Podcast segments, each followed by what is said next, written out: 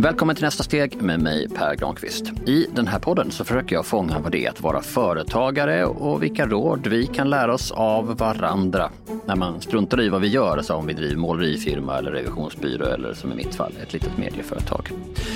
En sak jag redan lärt mig är att oron över att saker kan gå åt helvete aldrig riktigt försvinner, men att det kan också vara en bra sak. En konstruktiv oro som gör att man ständigt försöker bli lite bättre än igår. Men oron som sådan går nästan aldrig över tydligen. För det här berättar en terapeut jag pratade med i det första avsnittet. Så om du inte känner att du kan hantera oro, skit i att starta företag. Alltså verkligen, skit i att starta företag. Gör det inte. Dagens avsnitt handlar om att våga lita på sin idé och vems råd man ska lita på när man är redo att ta nästa steg. Hur lanserar man något som funkar och hur får man det att växa? Svaret finns i Borås.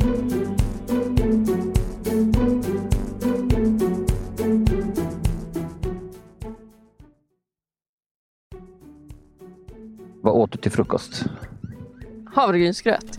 Det där det är en klassisk radiofråga. En fråga man ställer för att kunna ställa in ljudet på bandspelaren eller inspelningsutrustningen som vi kör med nu för tiden. Jag har nästan aldrig känt mig så mycket som en lokalradioreporter som idag. Därför att jag är långt ute på landsbygden och för att jag också gett mig fan på att försöka spela in den där tuppen. Jag sa att jag har rest till Borås, men jag är faktiskt inte där utan jag börjar i grannkommunen Bollebygd. Eller närmare bestämt en bit utanför Bollebygd faktiskt. Nej, eller närmare bestämt en, från stationen ser är det en 10-12 minuter med bil på gamla Göteborgsvägen 156 och sen tar man höger och så några kilometer på asfalt och så några kilometer på grus och så vänster upp mot skogen och där vid en hästhage ligger en gård med boningshus, laggård som numera funkar som stall och lite andra småbyggnader. Det är där jag är. Vi är hos mina föräldrar, för det är där jag har mina hästar, i eh, Bollebygd. Det är där jag har vuxit upp. Det här är Emma Lönn. Hon driver Equardian, ett bolag som hittar på grejer de tycker behövs för hästsporten. Mamma slängde upp mig på hästryggen innan jag kunde gå. Och sen var det bara att hålla i sig och sitta kvar. Och det jag inte visste då var att den där tuppen inte kommer att gala så fint flera gånger. Du kommer att höra det då och då under intervjun, lite lågt. Men så senare efter den här intervjun så satt jag stilla en lång, lång stund vid den här hönsgården för att försöka fånga tuppens ljud, för det är så fint att ha med i en podd. Men tuppen, han vägrade gala.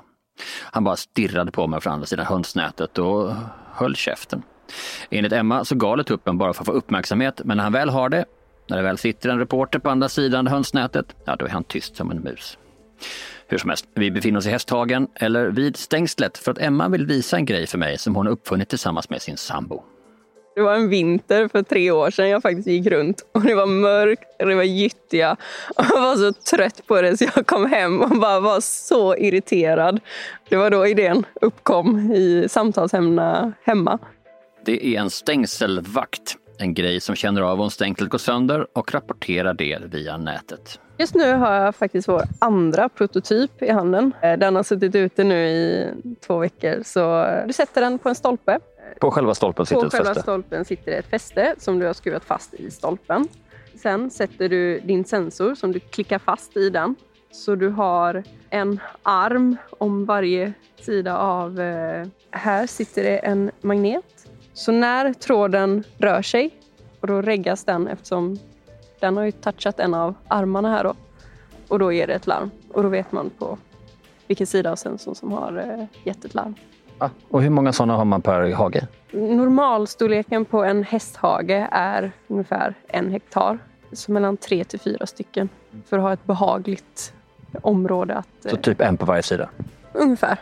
Precis. För här vill jag ju veta. Här ska de ju inte gå ut. För att det här är vägen? Här är en väg. Ja. Det vill jag inte...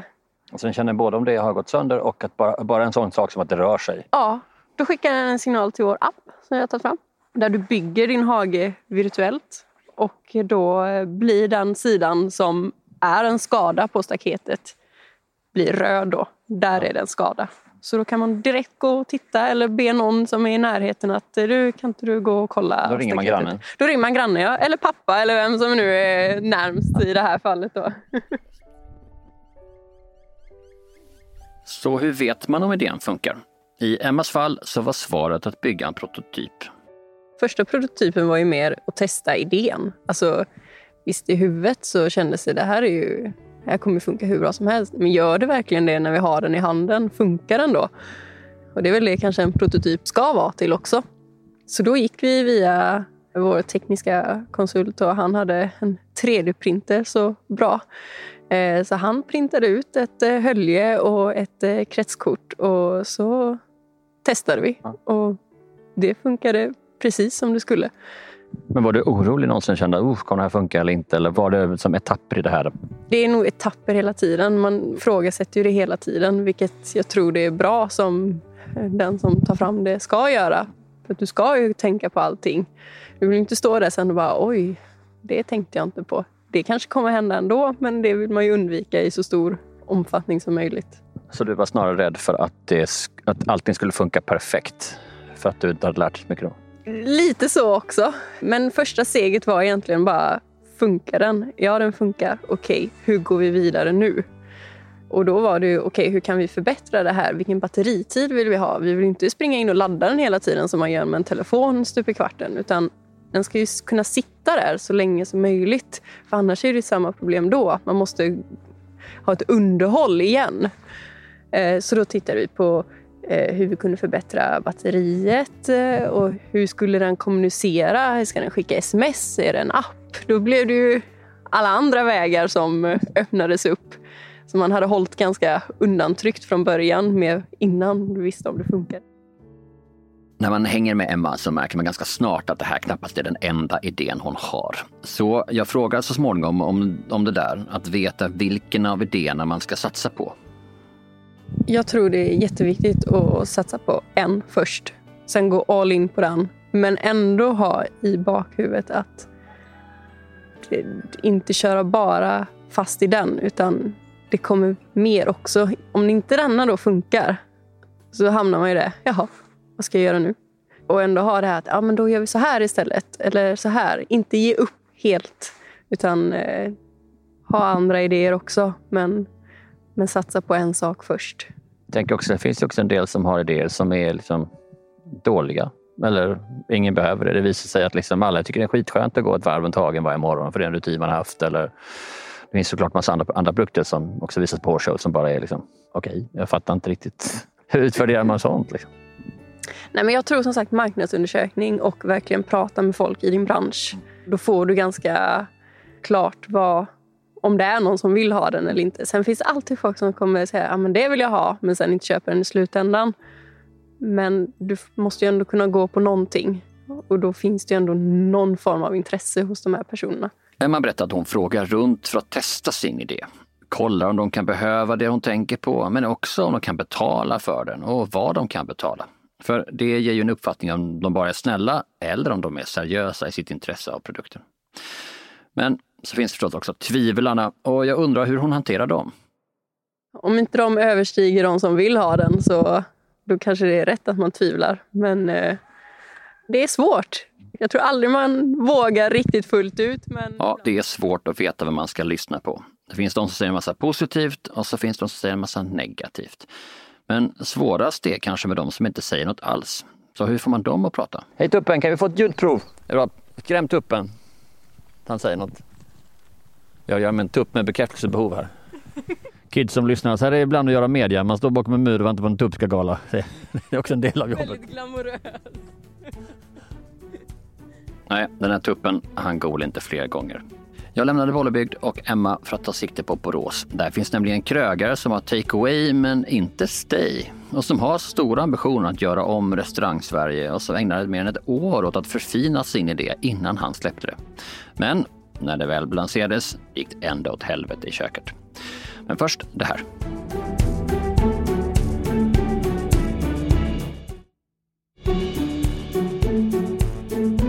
En av Borås populäraste restauranger har ingenstans att sitta. Eller, det finns faktiskt några platser, men mest för man kan slå sig ner när man hämtar sin mat. Men de allra flesta gäster har faktiskt inte satt sin fot där. Jag pratar om Favvo, appen som är en takeaway-restaurang utan restaurang. Så jag ser bara ett kök och det är i det köket som Oskar Johansson visar mig runt.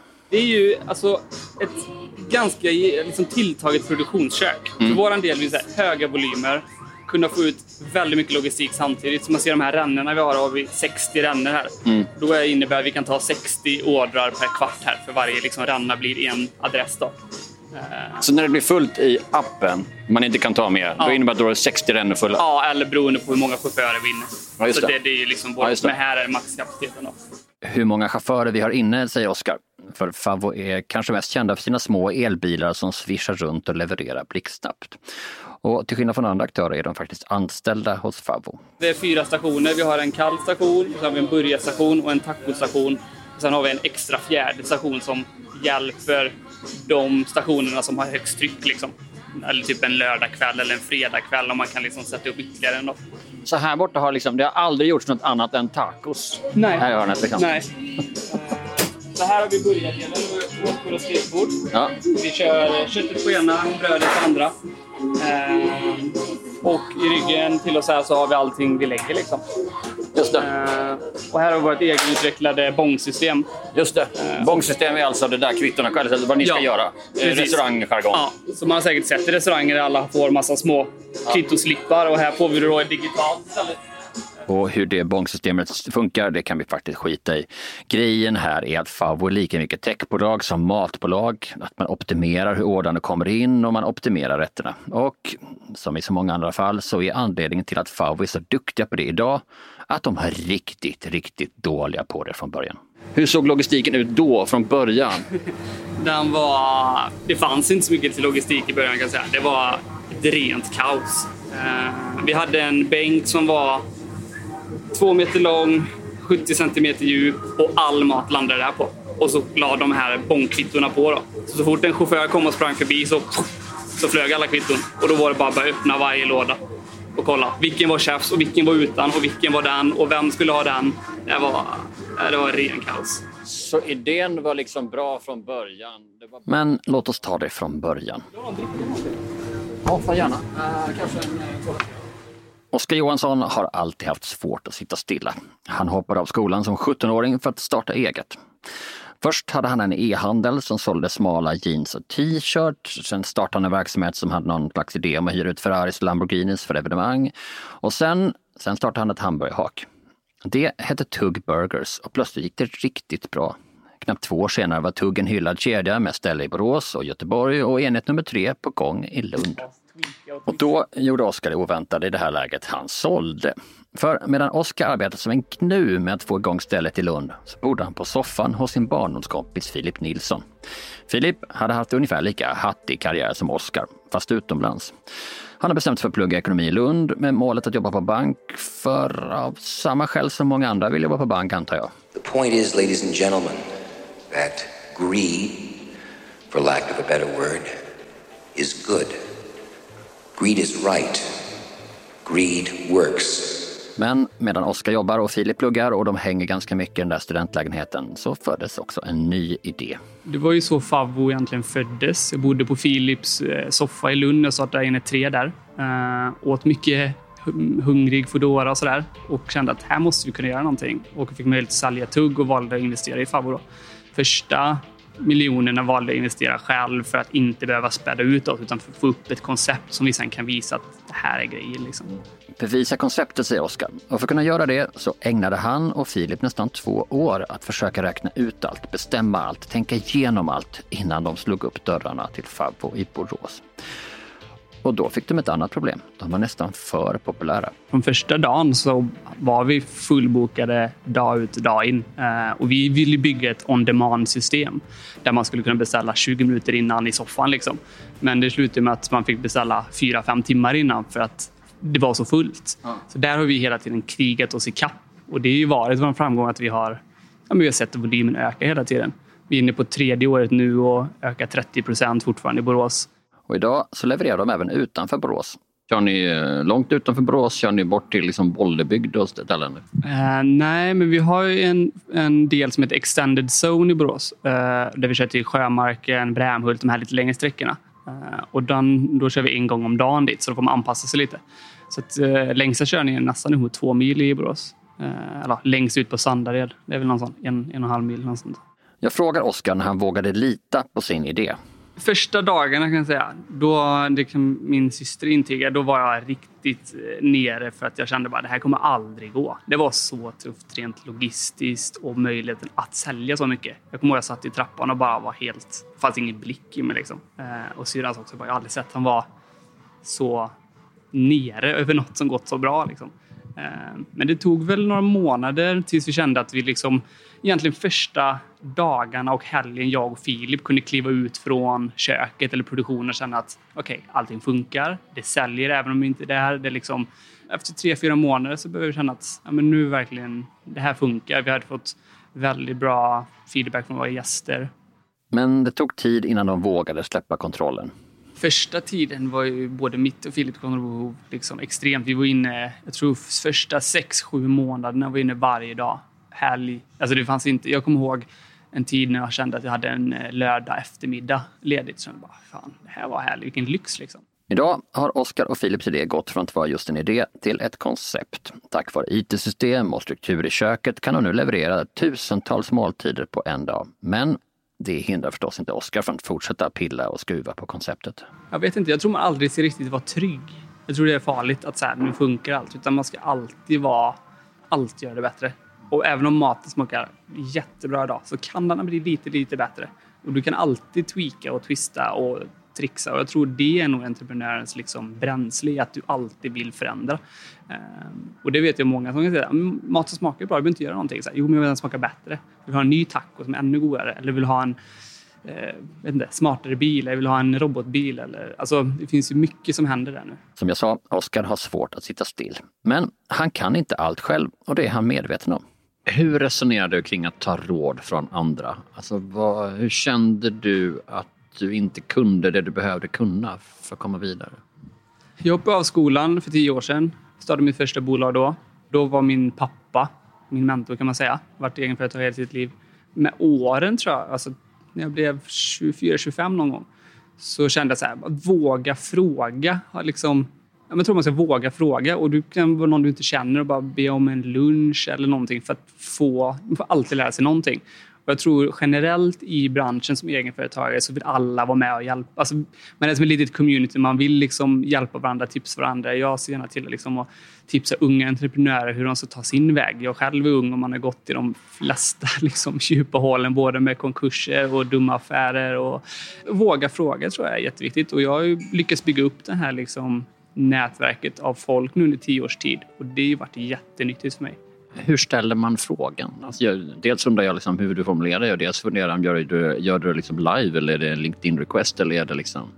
Idag så är det så jävla enkelt för alla e-mailadresser är liksom officiella. Du kan skänka ett mail, du kan säkert få tag i någon som känner någon på något sätt. Ofta så, så här, har du någon bra kontakt genom det och så har man en fot in och så man så här, jag fick tips av den här personen, skulle vi kunna ta en lunch? Jag har en fråga kring vad det nu kan vara. Och för att jag tänker att du kan en jävla massa på det här området. Du skriver du vad du vill ha ut av det direkt ja. eller, eller litar du på din attraktionskraft som att du är faktiskt en, en entreprenör, företagare som gör ganska skojiga grejer? Men både och tror jag. Alltså, det är klart det finns liksom spetskompetens som man ibland söker i form av allt från styrelse, bygga kedja eller sådär. Eh, som i Favvo har vi tre fantastiska delägare liksom, som vi har tagit in under tiden där vi har verkligen velat ha, men vi behöver någon som är duktig på att bygga kedja. Eh, hur gör man? Liksom, bygger man organisation? Eh, jag hann ju aldrig komma dit på tugg. Jag hann inte lära mig det på det sättet. Vi, det var ingen organisation. Det var jag och min delägare och vi gjorde allt. Och sen är vi anställda. Men nu liksom, ska man bygga 30, 40, 50, 100 enheter. Du behöver ha en på marknaden, du behöver ha en HR. Vad innebär det? När tar man steget? När vågar man ta steget? Och det här med att ställa frågan, eller våga ställa frågan, det är faktiskt inget som Oskar hade med sig från början. Och han tror att det kan vara den enkla förklaringen till att inte fler hittar bra rådgivare. För mig var det så i alla fall i början, att våga inte fråga så här, nej men de var säkert upptagna med annat. Och det får man respektera. Ibland kan man få ett nej. Nej, jag hinner inte nu eller jag har inte tid eller jag är inte intresserad. Men det är inte så farligt att få ett nej. Kan man använda kompisar för att bolla en idé? Alltså, absolut, absolut. Jag har använt jättemycket. Dels min bästa vän Filip som vi ja, som startade ihop med. Det har ju varit väldigt skönt att göra det tillsammans med honom. För vi har ju bollat hela tiden. I början som egenföretagare så var det mycket själv. Där man kanske hade en investerare med, men du hade liksom ingen det här vardagliga bollandet. Vad tycker du? Ska vi göra den här salladen? Ska vi, alltså, ska vi göra logistiken? Man vill ha någon att bara liksom chitchatta med. Eh, så absolut, vänner, familj. Det, ska säga, hela min familj har varit ett stort bollplank under hela de här alla tio åren. Eh. Våga fråga alltså. Så fort jag hör dem säga det där så tänkte jag dels på hur enkelt det verkar. Kan det verkligen vara så enkelt? Men så tänkte jag också att det faktiskt bara finns ett sätt att ta reda på det. Att börja våga fråga. Favo är kända för sina hamburgare som är godare än något annat. Jag äter själv inte kött, men mina ungar och mina grannar gör det. Och mina burgare är liksom aldrig riktigt toppen när man lägger dem på grillen. Så innan jag lämnar Oskar så tänker jag våga fråga. Så jag frågar dem vad som gör dem bra. Grundstenen i vårt är att vi lagar allt från grunden. Eh, vi, lagar, liksom, vi får brödet varje morgon nybakt. Eh, vi maler köttet varje morgon. Så mycket handlar om bra råvaror, bra ihopsammansättning. Okej, här kommer en lång utläggning om nybakat bröd på äkta råvaror och inget fusk och noga utvalt kött från svenska gårdar och goda tomater och bla bla bla bla bla. Sånt som alla stolta kockar brukar säga. Så det kan vi hoppa över, för sen kom det viktiga rådet. När vi maler dem ganska grovt så rullar vi varje puck för hand. Som i liksom, inte som om du gör en köttbulle så den blir kompakt, utan man gör den väldigt porös. Och när han smashar sen så blir den väldigt ja, luftig och du får ett bra crisp. Och det är ju vart liksom, nu har jag gjort... Så hamburgarna är köttbullar ända tills de landar på stekbordet? Ja. Vilken grej! Om jag inte vågat fråga hade jag inte fått det rådet och mina burgare hade varit mycket sämre.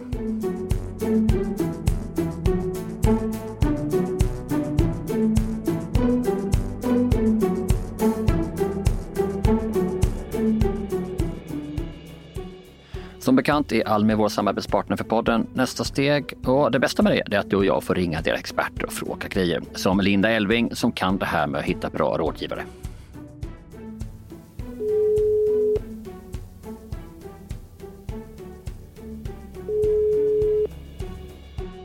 Hur hittar man en bra rådgivare? Jag tänker att man, eh, man får börja hos sig själv. Vad har jag för styrkor och jag, vad har jag för områden jag behöver utveckla eller mitt bolag behöver utveckla? Vad saknar vi för kompetenser? Så man liksom vet vad det är man ska leta efter. Någon slags intern kompetensutredning? Ja men precis, om vi tittar på oss som bolag, var är vi riktigt starka? Men vad är vi inte riktigt lika starka? Vad har vi för svagheter om man kan uttrycka sig så? Vad är det vi behöver utveckla? Så man vet att det är den här kompetensen jag ska leta hos en rådgivare för det första. Och sen då när man väl har kommit fram till vad det kan vara så är ju kanske den svåraste delen då att, att verkligen hitta den här personen. Och det kan man ju eh, få hjälp med hos eh, bland annat hos Almi. Eh, vi har ju ett mentorprogram då vi också hjälper till med att titta också hjälpa till med att göra den här första inventeringen så att säga i bolaget. Då kan vi tillsammans göra liksom en bild över att ja, men här är vi lite svaga. Det skulle vi behöva komplettera med i form av till exempel en rådgivare. Och sen kan vi hjälpa till med en matchning med en mentor ifrån vår mentorsbank. Vanligt fel som folk gör, att man tror att man kan allting själv eller man har i alla fall inte koll på vad man inte kan utan man letar efter Precis. någon som ser kompetent ut istället för att leta efter någon som har rätt kunskap, rätt perspektiv. Ja men precis, det finns ju ingen som är bra på allt. Någonstans får man ju liksom börja där, att eh, se lite nyktert på sig själv och sin verksamhet. Hur scoutar man sen en bra rådgivare? Var letar man? man? Som sagt, man kan gå via nätverk, det är ju ett bra sätt. Man kan fråga andra människor efter kompetenta människor, tänker jag, eller ge sig ut på LinkedIn? Ja, som du nämnde, nätverk, jättebra. Sen kanske man har något bolag som man liksom ser upp till lite, tycker det är häftigt eller något. Ja, men kanske leta där om det inte är någon ren konkurrent som inte vill ställa upp. Men titta på vilka som sitter i det bolaget och ja, men de har gjort en häftig resa. Då har de nog med sig kompetenser som jag kan ha nytta av. Och sen helt enkelt får man vara lite modig också och våga ställa frågan.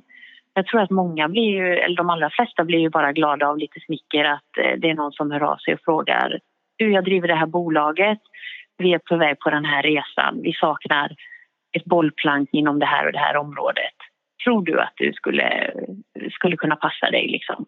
Självklart, säger den här personen. Det är klart jag ska hjälpa er. Men det känns ju jättebra. Men hur vet man sen om det här är en liksom, person som kan bidra med något eller som bara är en pladderhatt som vi säger på skånska? Liksom. Alltså det här med att de, ja, att de, inte, att de, ja, de vill man inte ha. De har läst böckerna. Liksom, jag, jag hade en, en rådgivare som var liksom jätteduktig på sälj, jag jobbade på ett stort bolag, pratade mycket, liksom i möten verkar skitkompetent. Men sen det handlar om att översätta det här till, okej okay, konkret vad ska vi göra nu? Vi behöver titta på erbjudanden här, här, här, så så.